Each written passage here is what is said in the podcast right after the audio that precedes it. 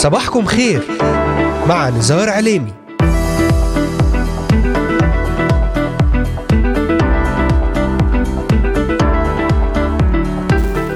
الثامن من شهر أيار مايو للعام 2023 المستمعات والمستمعون صباح الخير. أهلا بكم في يوم جديد ضمن الموسم الثاني من برنامج صباحكم خير. معكم على الهواء مباشرة نزار عليمي من الأراضي المقدسة من إذاعة صوت الأمل. أرحب بكم مستمعينا الكرام من الأراضي المقدسة ومن بلدان الشرق الأوسط وشمال أفريقيا من سوريا لبنان مصر تركيا الأردن والعراق ليبيا اليمن السعودية والكويت ومستمعينا من أستراليا أمريكا ألمانيا كندا والسويد والذين يتواصلون معنا ويتابعوننا على مختلف منصاتنا الاجتماعية لإذاعة صوت الأمل.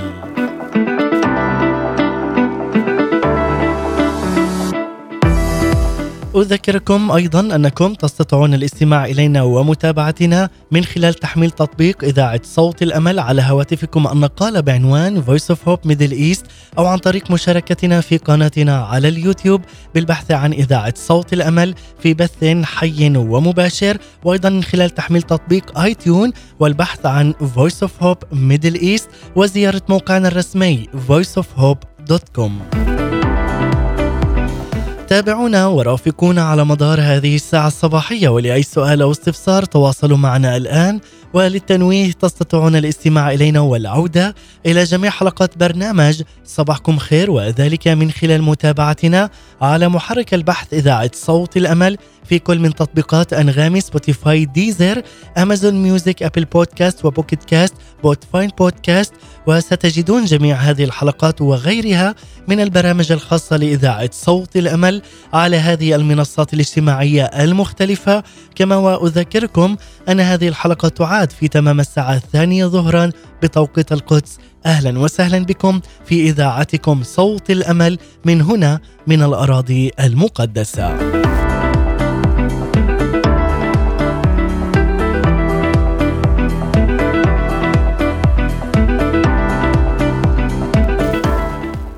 جاء في سفر إرميا النبي لأني عرفت الأفكار التي أنا مفتكر بها عنكم يقول الرب. أفكار سلام لا شر لأعطيكم آخرة ورجاء. حين نأخذ بعضا من وقتنا كل يوم ونركز على الأشياء الجميلة والصالحة التي بدأت تنمو في داخلنا. فإننا بذلك نتجاوب بشكر كبير مع عمل روح الله القدوس فينا. لذلك يجب أن نكون قادرين أن نرى الصالح في داخلنا وأن نعمل على تنميته وعلى ممارسته يوميا. كما أنه عندما نركز انتباهنا بقصد ونبذل جهدا أي وقتا وطاقة لنلاحظ بذار الحب والرجاء والإيمان والصدق أيضا التي تتبرعم في داخلنا يمكننا اذا أن نرى عمل الروح القدس ويمكننا أن نتعاون معه ونكمل ما بدأه فينا حتى تنضج هذه البذار الجيدة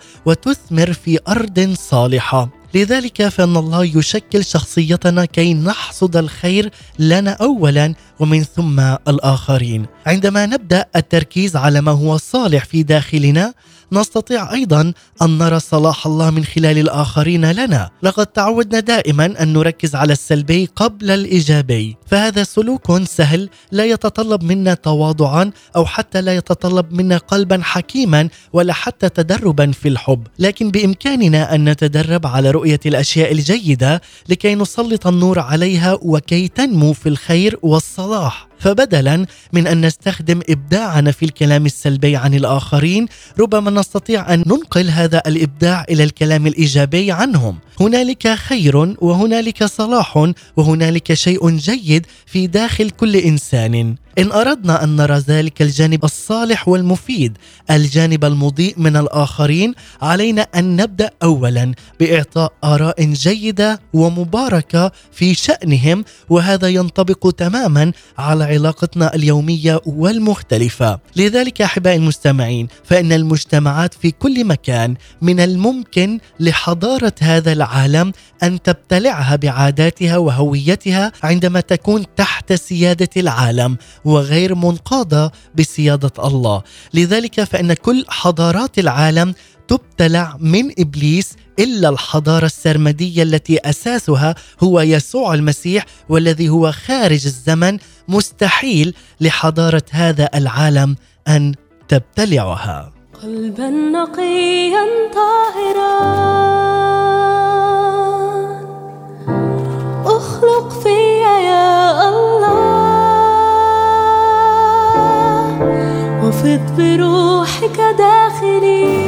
ونبدأ معكم مع هذه الترنيمة مع رنا عادل قلبا نقيا طاهرا. أخلق فيا يا الله. لنطلب هذه الصلاة ونطلب هذه الكلمات وأيضا نؤمن بها من خلال عمل روح الله القدوس. ليخلق فينا قلبا نقيا وطاهرا وجديدا خاضعا ومنقادا بقوة الروح القدس. سنتحدث في هذا اليوم بسلسلة جديدة حول قيادة الذهن الإيجابية لحياة روحية. ابقوا معنا لتعرفوا المزيد بعد هذه الترنيمة. طهرني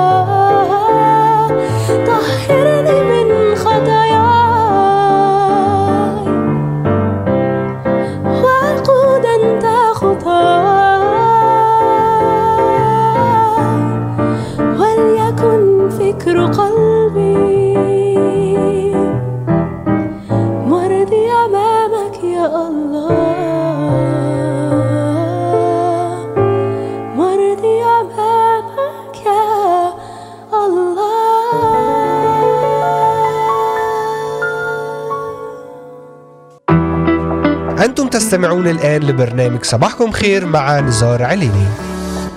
نعم وليكن فكر قلبي مرضي أمامك يا الله. قلبا نقيا طاهرا أخلق فيا يا الله. كانت هذه البداية مع المرنمة رنا عادل. لنتحدث وإياكم في هذا اليوم بالجزء الأول من هذه السلسلة الجديدة حول سلسلة قيادة الذهن الإيجابية لحياة روحية. لنتحدث حول هدوء الذهن الحقيقي من خلال خضوعه لقيادة الروح القدس. وترتكز رسالتنا في هذا اليوم على عدة آيات من الكتاب المقدس وخاصة من سفر أيوب ومتى ويعقوب. وذلك من خلال هذه السلسلة الجديدة التي ننطلق بها اليوم مع بداية هذا الأسبوع حول قيادة الذهن الإيجابية للحياة الروحية. ونبدأ بها اليوم بجزئها الأول بعنوان هدوء الذهن الحقيقي من خلال خضوعه لقيادة الروح القدس. سنتعرف معا من خلال هذه السلسلة بداية من هذه الحلقة على كيفية الحصول على الإطلاق من القصف الذهني السلبي لتكون أفكارنا مليئة بالخير والمحبة والمودة تجاه أنفسنا اولا ومن ثم تجاه الآخرين. وذلك إن كان على الصعيد الشخصي أو العائلي أو المجتمع وذلك عن طريق سيادة فكر السيد الرب يسوع المسيح علينا لكي تكون أفكارنا سلام لا أفكار شر. ورسالتنا هذه أوجهها اولا للأهالي ليكونوا قدوة وخيرا في المحبة من خلال تعاليم الكتاب المقدس التي تنص على العطاء والتضحية والبذل لكي يتعلموا أبناءنا وخاصة هذا الجيل الجديد من جيل الشباب على ماذا يعني محبة وسلام بدءا من أفكارنا ومشاعرنا نحن لتحقيقها الفعلي على أرض الواقع لنشابه صورة المسيح في كل شيء. سنجيب على هذه المضامين الهامة وذلك من خلال برنامج صباحكم خير، تابعونا وابقوا معنا على السمع وأرحب في هذا الوقت بجميع الذين الآن انضموا إلينا أهلا وسهلا بكم معكم على الهواء مباشرة نزار عليمي من إذاعة صوت الأمل.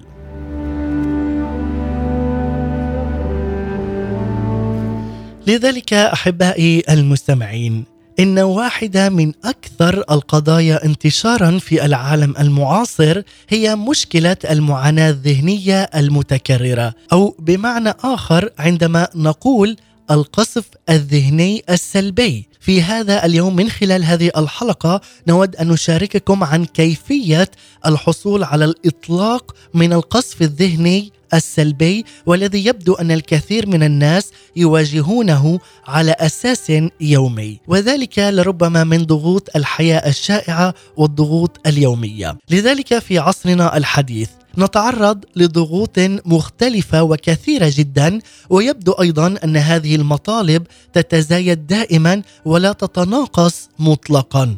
ستكون قائمة الضغوط الكاملة التي نواجهها أكبر من أن نحاول أن نذكرها. ومع ذلك نود في هذا اليوم أن نذكر بعض الأمثلة البسيطة إلا أنها هي التي شائعة وبكثرة في عصرنا الحالي. اولا ضغط الأقران من مجموعة معينة من الأصدقاء أو حتى من الزملاء الذين لدينا أو من أولئك الذين فئتنا العمرية قريبة منهم أو من أولئك الذين على مستوانا الاجتماعي أو حتى المادي وهذا الضغط أن تتوافق وتكون مثل بقية المجموعة ماذا يعني؟ يظهر هذا الضغط بطريقة واضحة للغاية بين تلاميذ المدارس ويمكن أن يكون هنالك ضغط هائل من أجل القيام بما يفعله جميع الأطفال أو جميع الأبناء الآخرين. وأريد أيضا أنا أن أفعل تماما مثلهم بالضبط. لماذا؟ لكي لا أكون منفردا عنهم أو غريب الأطوار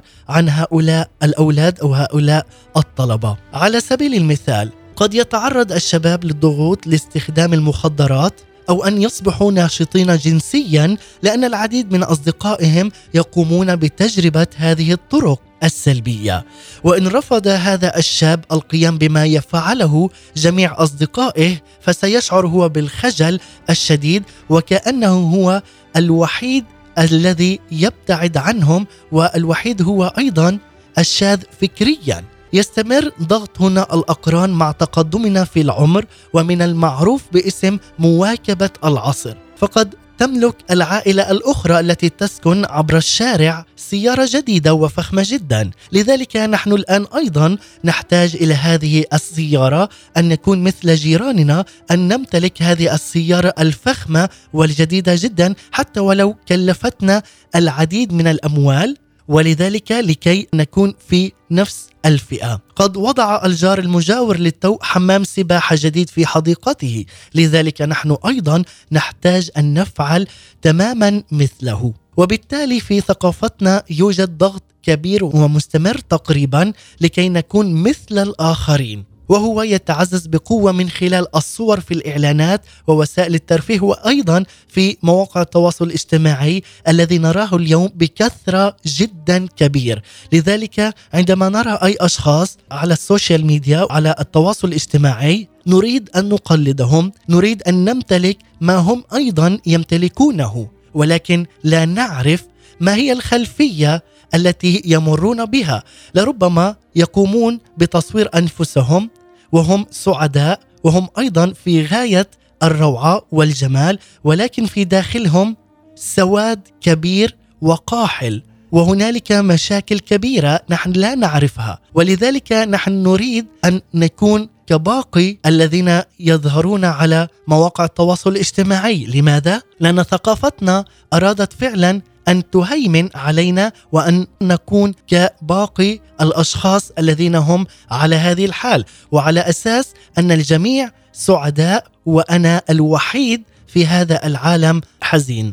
لذلك أحبائي من خلال هذه التجارب ومن خلال أيضا هذه المنصات علينا أن نحذر جيدا لكي لا نزرع في أفكارنا ولا نزرع أيضا في أفكار أبنائنا على أن هنالك من هم أفضل وأيضا يعيشون بهذه الحالات الجيدة 24 ساعة يوميا. تتعارض هذه الضغوط غالبا مع طبيعتنا الداخلية وشخصيتنا الحقيقية. هذا أولا بالنسبة لضغط الأقران. ثانيا الضغط لكسب ما يكفي من المال لتلبية رغباتنا المادية وأيضا لتوفير بعض الأمان عندما نكون كبار السن. توجد مطالب مستمرة للحصول على الأموال وتجميعها بغض النظر عن مقدار ما يكسبه الناس من ثروات لا يبدو ذلك كافيا ابدا لأن عين الإنسان لا تشبع ابدا. كلما حصل على المزيد من الثروات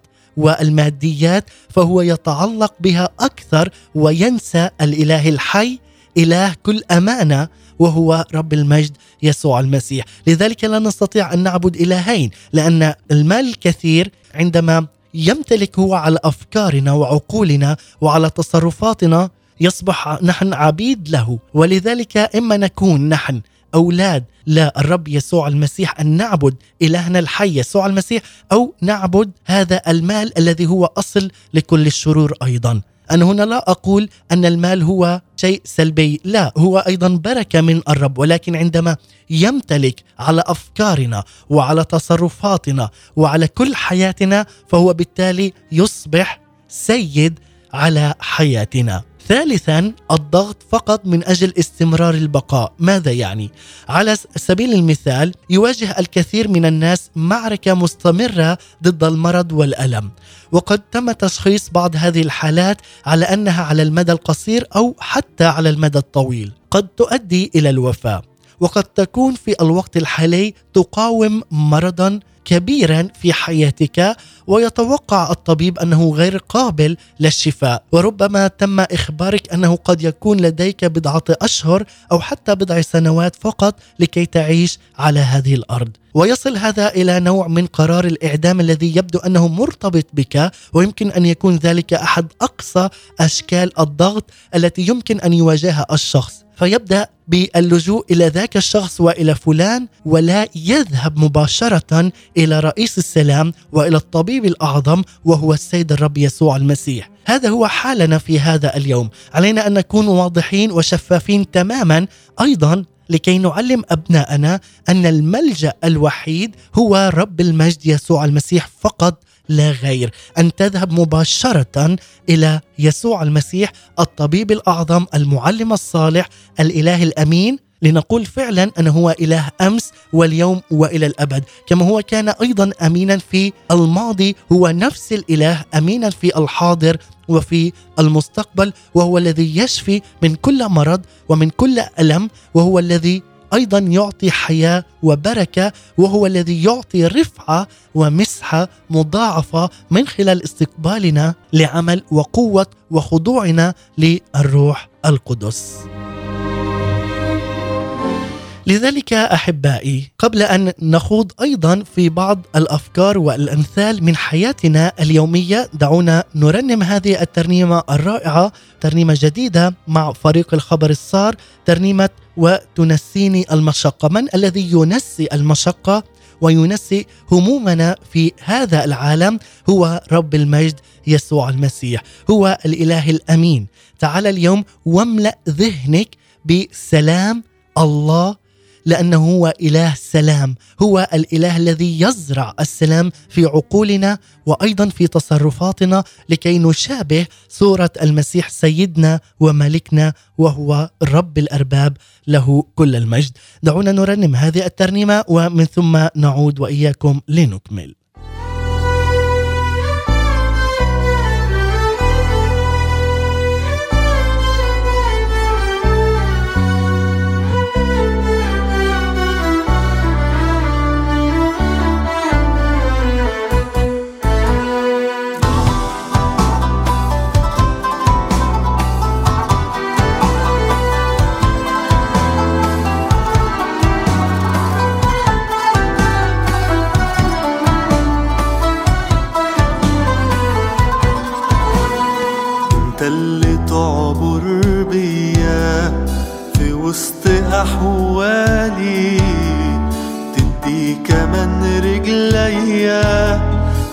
وامشي على جبالي ما انت إله عالي. وتنسيني المشقة زي المية تعديها. وتديني أغاني وقوة من بعديها. وتنسيني المشقة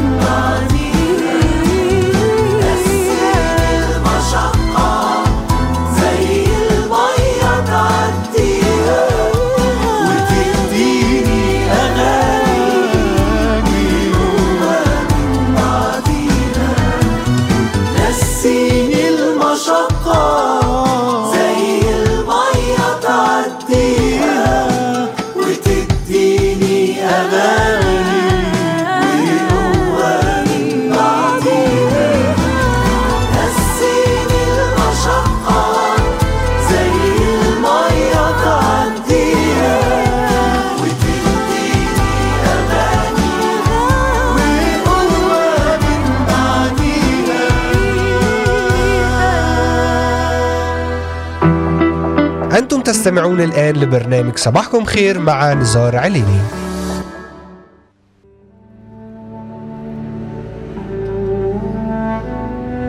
عودة من جديد إليكم أحبائي المستمعين والمتابعين في كل مكان وأهلا بكم وأيضا أهلا بجميع الذين انضموا الآن إلينا لبرنامج صباحكم خير معكم على الهواء مباشرة نزار عليمي من إذاعة صوت الأمل. في الأراضي المقدسة وقد استمعنا إلى فريق الخبر الصار إلى هذه الترنيمة الرائعة وتنسيني المشقة. فعلا تعال اليوم وازرع في عقلك أن يكون هو مركز للسلام الداخلي من خلال كلمة السيد الرب يسوع المسيح واللجوء إلى رب المجد يسوع المسيح.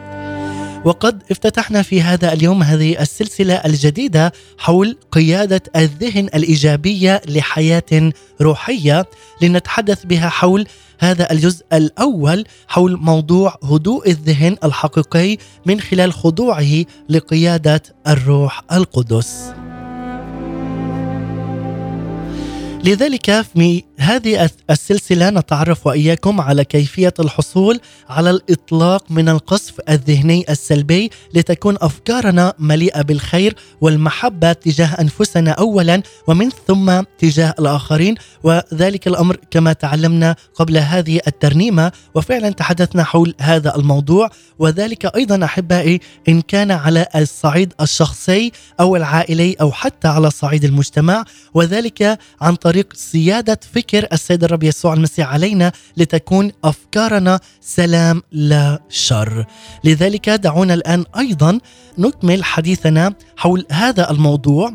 ونقول أن هنالك أيضا أفكار للتهديد والشكاية والتعذيب، ماذا يعني؟ عند مواجهة مثل هذه الضغوط اليومية والحياتية من الشائع جدا تجربة الضغط الإضافي عند التعامل مع الصوت الداخلي الذي يعذب الإنسان، وفي بعض الأحيان يبدو كأنه صوت مسموع إلا أنه في معظم الأحيان هو يكون صوت داخلي. وما يقوله هذا الصوت يمكن صياغته في جمل واضحة ومحددة أي إرسال تيار ثابت من أفكار التهديد أو الشكاية أو التعذيب. وهذا الصوت من من يأتي يا ترى؟ فقط من صوت إبليس. لذلك عندما يريد إبليس أن ينزع ويسلب الفرح منك يأتي بهذا الصوت كتيار ثابت من أفكار التهديد والشكاية والتعذيب على حياتك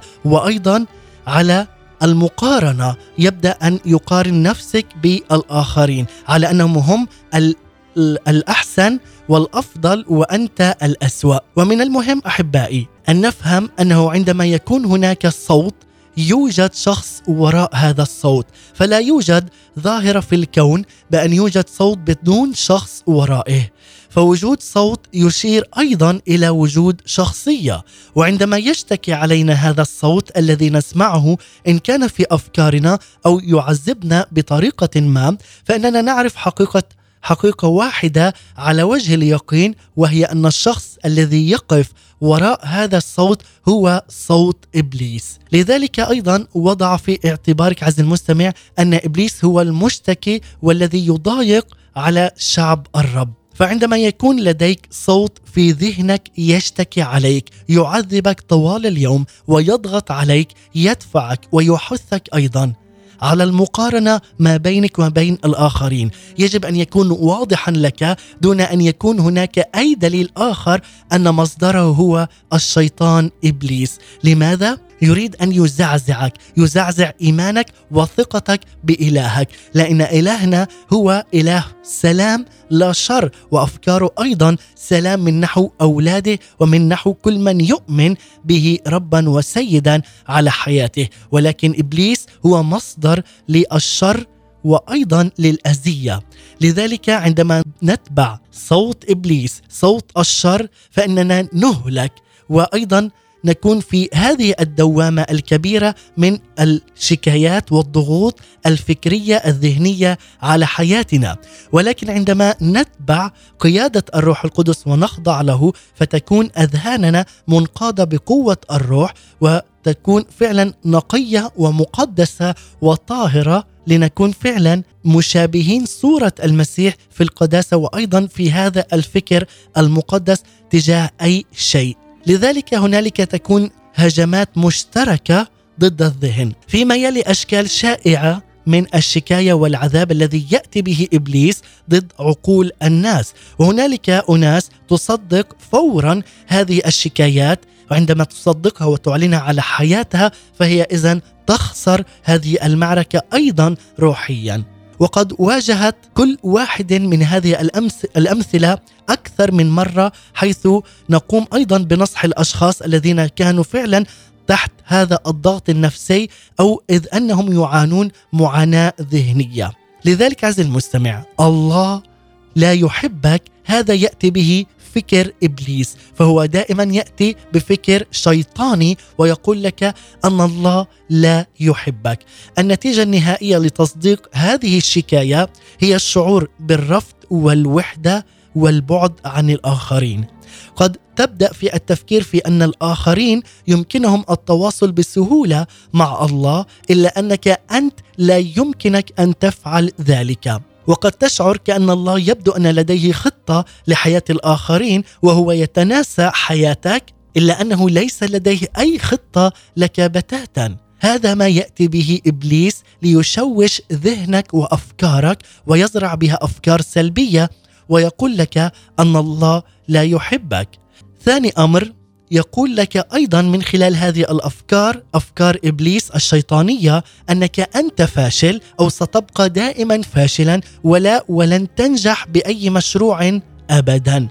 قد تكون هذه الكلمات السلبية المشتكية لا تأتي فقط من صوت في ذهنك بل أيضا من شخص آخر يستخدمه إبليس لكي يسلب الفرح والإيمان من حياتك لذلك في كلتا الحالتين تكون الرسالة واضحة وثابتة. فقد تكون لك قد فشلت في كثير من الأحيان لدرجة أنه لا يبدو أن هناك أي اختيار لك في الحياة إلا الفشل وستبقى فاشل، عليك عزيزي المستمع أن تنزع هذه الكلمات من حياتك وأن لا تستقبلها ابدا، أن تكسرها تكسرها بقوة الروح القدس، أن تكسر هذه الكلمات السلبية على حياتك وأن تحصن أفكارك بقوة الكلمة من خلال يسوع المسيح، أن لا تستقبل هذه الأفكار وهذه الكلمات. عندما تستقبلها وتفعل بها وتؤمن بها فإنك بالتالي قد خضعت هنا لصوت إبليس وليس لصوت الله، لذلك عليك أن تكون حذرا جدا، فيبدأ إبليس بمهاجمتنا من خلال أفكارنا، أفكار أيضا الشكاية والمقارنة ودائما يريدك أن تكون بعيدا وخارج دائرة الله، تأكد أن هذا هو الهدف الأساسي من هذه الأفكار التي يزرعها إبليس إن كان من خلال صوته أو حتى من خلال أصدقائك أو حتى تعتقد أن هؤلاء الأشخاص هم القريبين. أيضا يكون منهم هذا الصوت، لذلك عليك أن تحترس جيدا من هذه الأصوات. أن تغلق عليها وأن لا تستقبلها وأن تعلن روح القوة والنصح والمحبة في المسيح يسوع وأن لا تقبل أي روح فشل وهزيمة وضعف، عليك أن تؤمن بعمل القدوس رب المجد يسوع المسيح لأنك أنت ابن محبوب وغال جدا على قلب الله الآب والابن وأيضا لكي فعلا تستقبل قوة وعمل الروح القدس في حياتك. لكي يرشدك إلى الطريق والحق والحياة.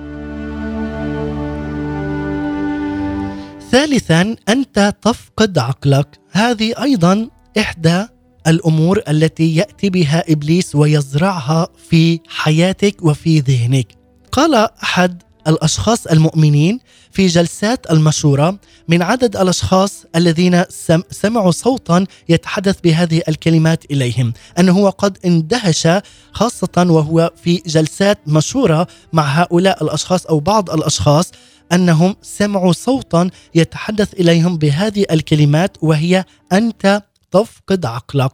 ويحدث مثل هذا غالبا كما تعلم عز المستمع أنه يقول لك ماتت عمتك في مستشفى للأمراض العقلية وكان هناك شيء غريب عن جدتك تكون أنت التالي.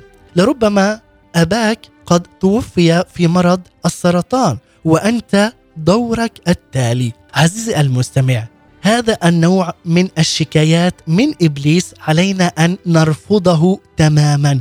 وأنا تحدثت أيضا في حلقات سابقة وفتحت سلسلة خاصة عن هذا الموضوع أن نعلن أن يسوع المسيح هو ملك الملوك ورب الأرباب. وقد تحدثنا أيضا أننا لا نأتي بهذه الأفكار على حياتنا ولا نستقبلها وأن نكسر هذه اللعنات الموروثة والمتوارثة من أجدادنا وآبائنا، علينا أن نكسر كل اللعنات السلبية وهذه الأمراض وهذه الأصوات من حياتنا عندما نعلن اسم يسوع ودم يسوع. عليك أن تعلن هذه العادات وأيضا هذه الأمراض وهذه الأمور التي كانت في عائلتك أن تكسرها وتعلن أن هذه الأمور الموروثة فهي تكسر في اسم يسوع المسيح. لذلك عزيزي المستمع عليك أن تعلن الشفاء التام على عقلك وعلى ذهنك على حياتك وعلى جسدك أيضا. رابعا يقول لنا هنا أيضا إبليس لديك مرض قاتل. يمكن أن يكون هناك أفكار تعذبك وهي تكون مرتبطة أيضا هنا بالألم الجسدي ليس فقط بالألم الذهني. أو أعراض مثل مرض محتمل سيصيبك. قد يخبرك هذا الصوت الموجود في الداخل بأن الألم الذي تشعر به ناتج عن السرطان.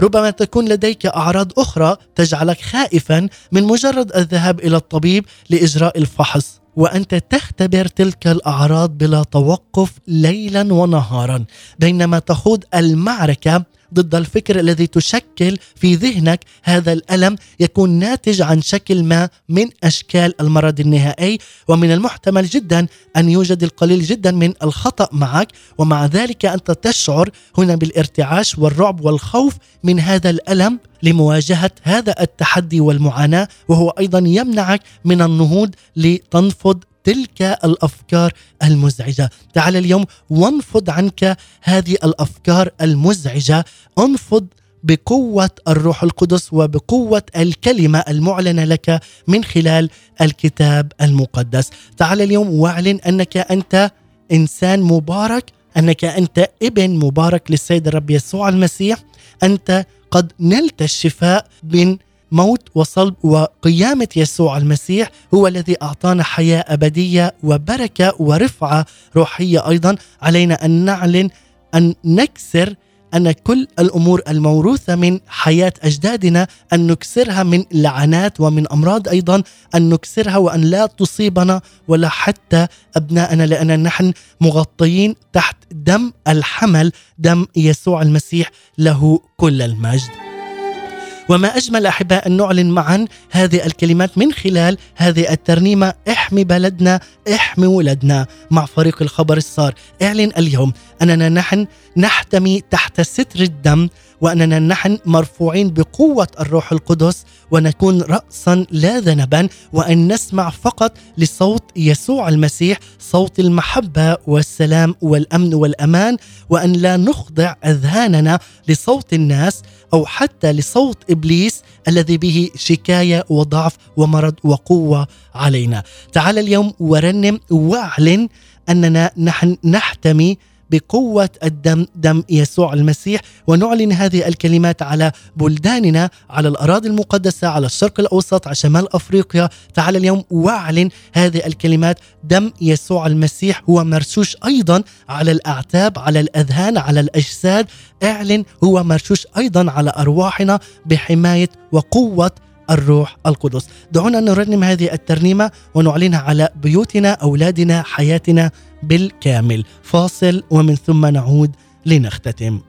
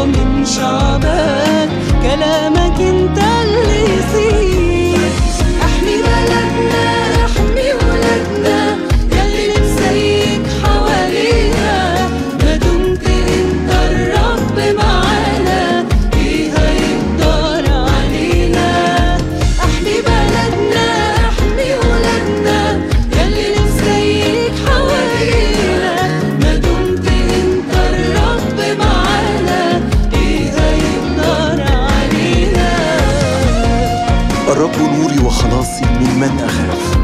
الرب حصن حياتي ممن أرتعد. أقول للرب ملجئي وحصني إلهي فأتكل عليه. لأنه ينجيك من فخ الصياد ومن الوباء الخطر. بخوافه يضللك وتحت أجنحته تحتمي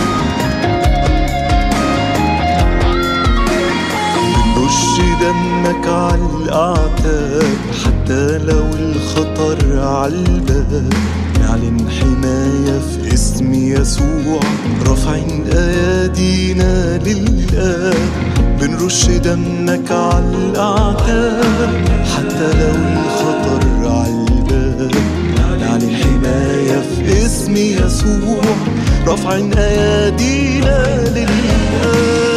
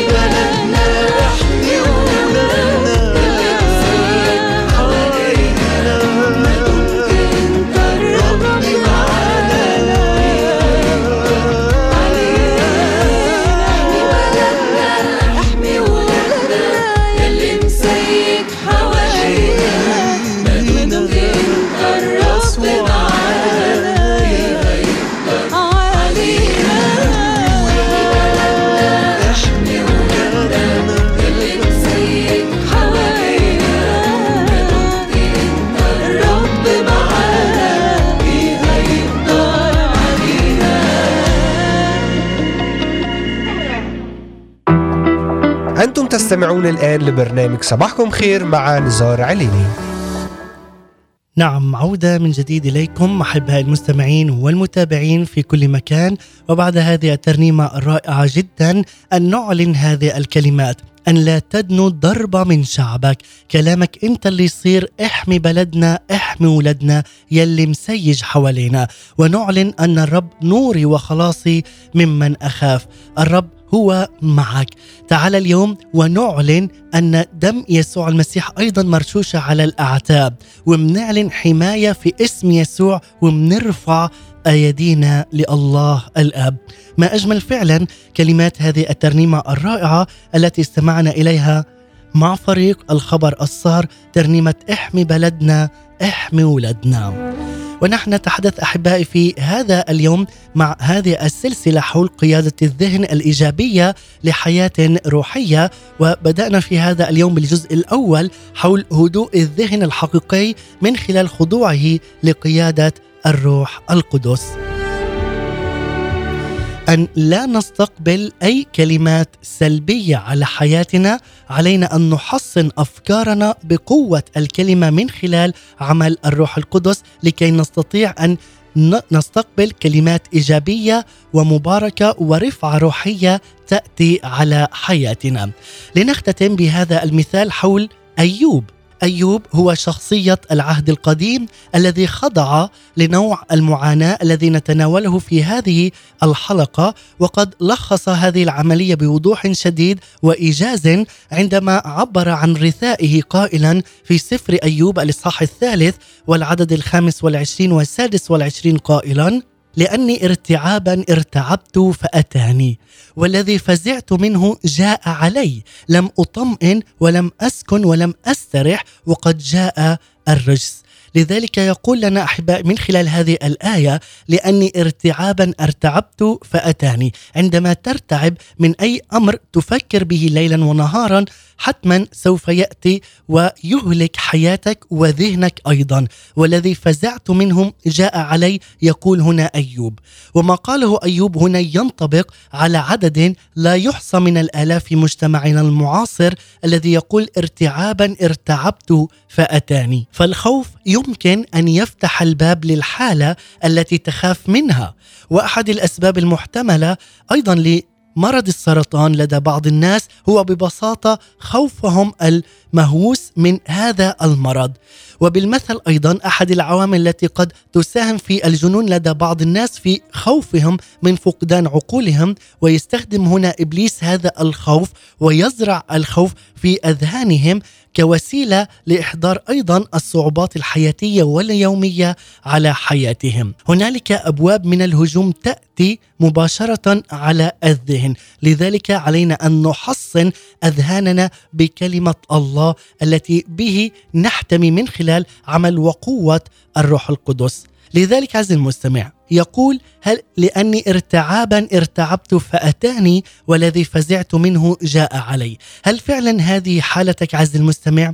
إن كانت كلمات أيوب تصف حالتك الذهنية بأي شكل من الأشكال فأريد منك الآن أن تعرف أنه يوجد علاج لهذه الحالة الذهنية المضطربة.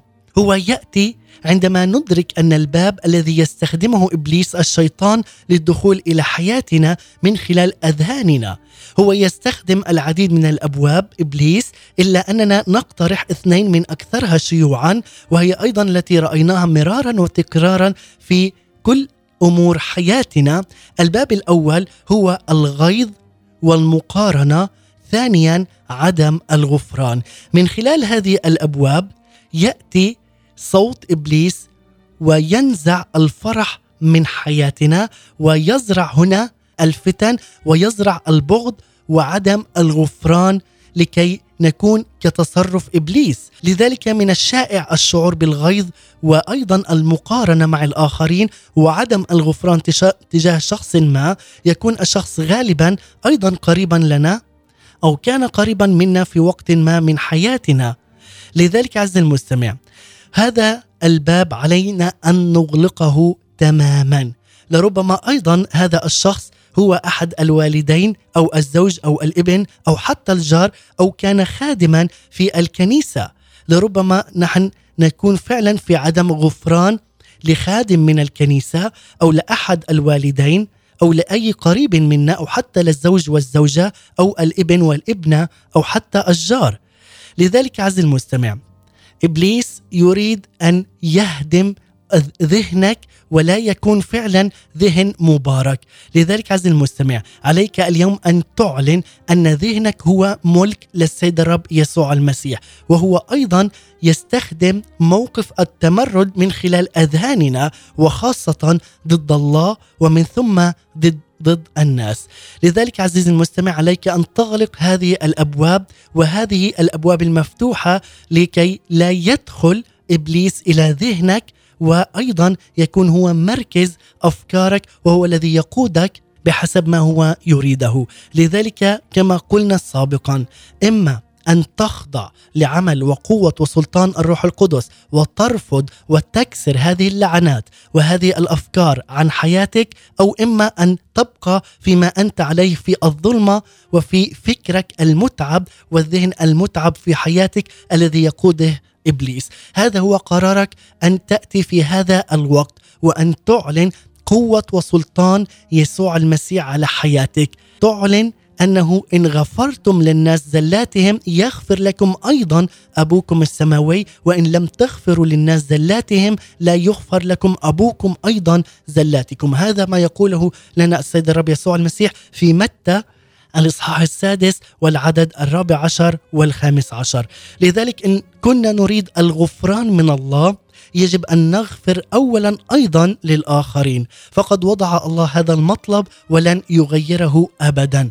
لذلك عز المستمع أرجو إدراك أن الغفران ليس عاطفة بل هو قرار من هذا الوقت. ومن هذا اليوم أن تقرر أن تغفر لمن أساء إليك لكي يبقى ذهنك صافيا ومباركا وبمعنى ما؟ أن تأتي وتعلن أنك خاضع لقوة العمل قوة الروح القدس في حياتك.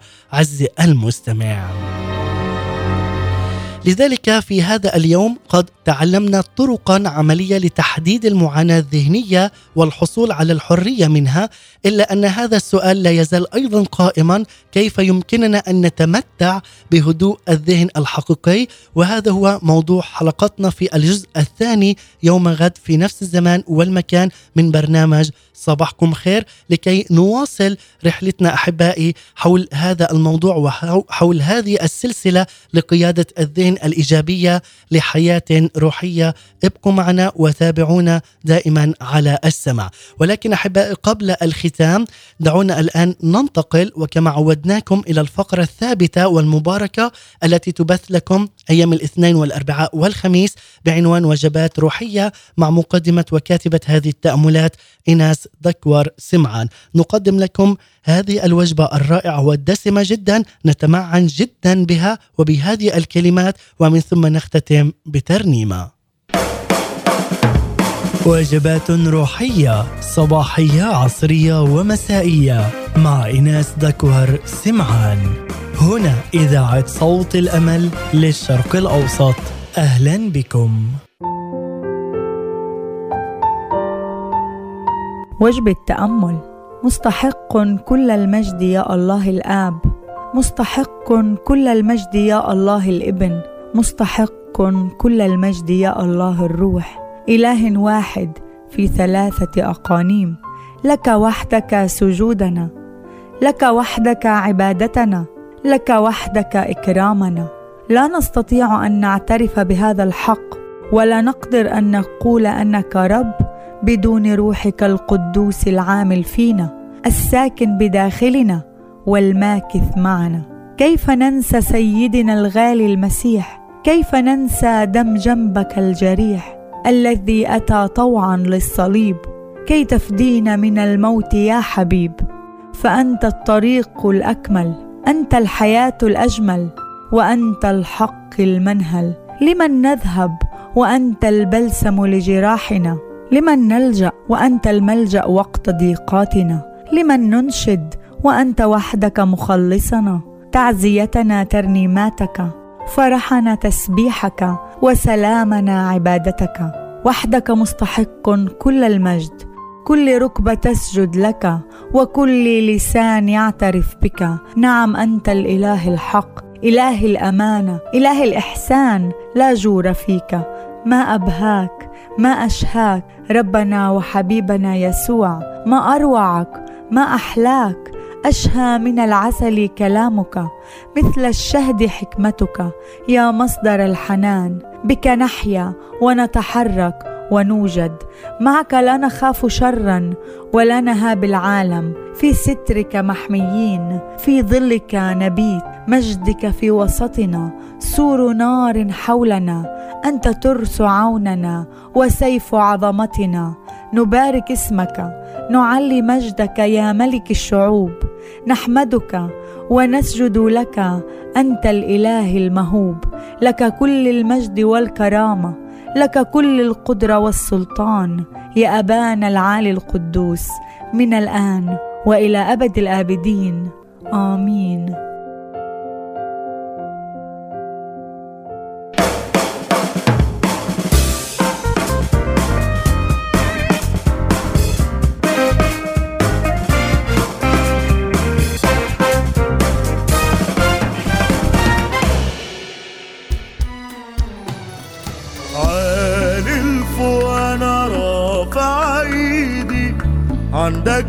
ملكي وعزي وسيدي وبعز أنا مش عايز حاجة.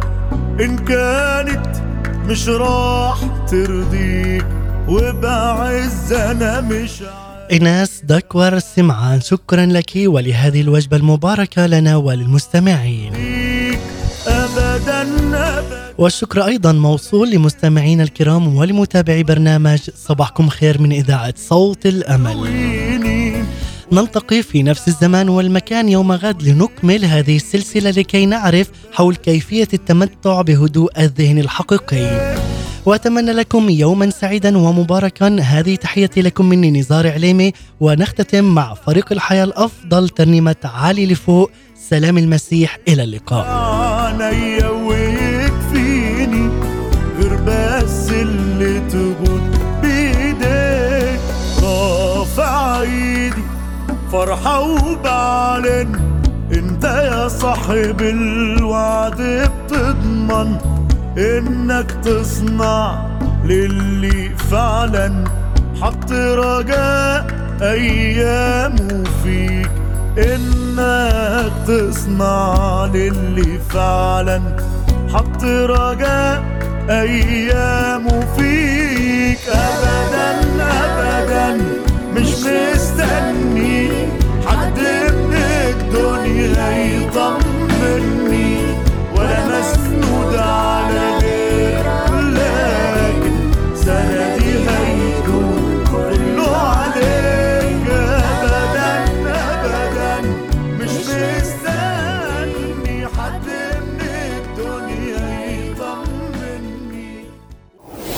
قال يسوع طوبى للمطرودين من أجل البر لأن لهم ملكوت السماوات Jesus said, Blessed are those who are persecuted because of righteousness, for theirs is the kingdom of heaven.